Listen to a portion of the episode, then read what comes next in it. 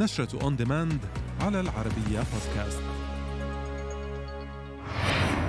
أخطاء فادحة في مسلسلات رمضان. تأجيل التحقيق مع صناع مسلسل الطاووس.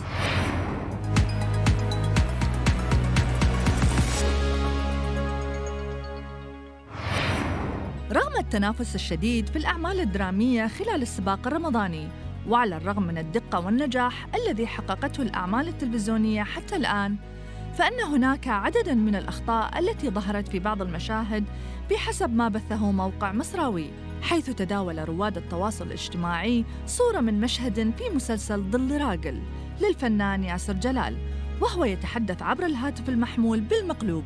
وضمن أحداث مسلسل ملوك الجدعنة ظهر أمين الشرطة بشارة على الكتف تحتوي على أربع شرائط بدلاً من ثلاث. وفي مسلسل هجمة مرتدة والذي تدور أحداثه في عام 2007 ظهر ملصق دعائي للعبة بابجي على أحد الحوائط على الرغم من أن اللعبة الشهيرة طرحت على الهواتف المحمولة عام 2017 تأجل تحقيق المجلس الأعلى لتنظيم الإعلام المصري مع المسؤولين عن إنتاج مسلسل الطاووس ومسؤولي القنوات التي تعرضه مع استمرار عرضه.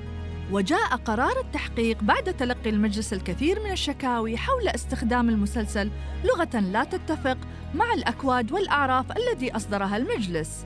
وأعلن طارق العوضي المحامي والمستشار القانوني للفنانة المصرية نهى العمروسي تأجيل موعد التحقيق مع صناع المسلسل لوجود ظرف لدى أحد أعضاء لجنة التحقيق.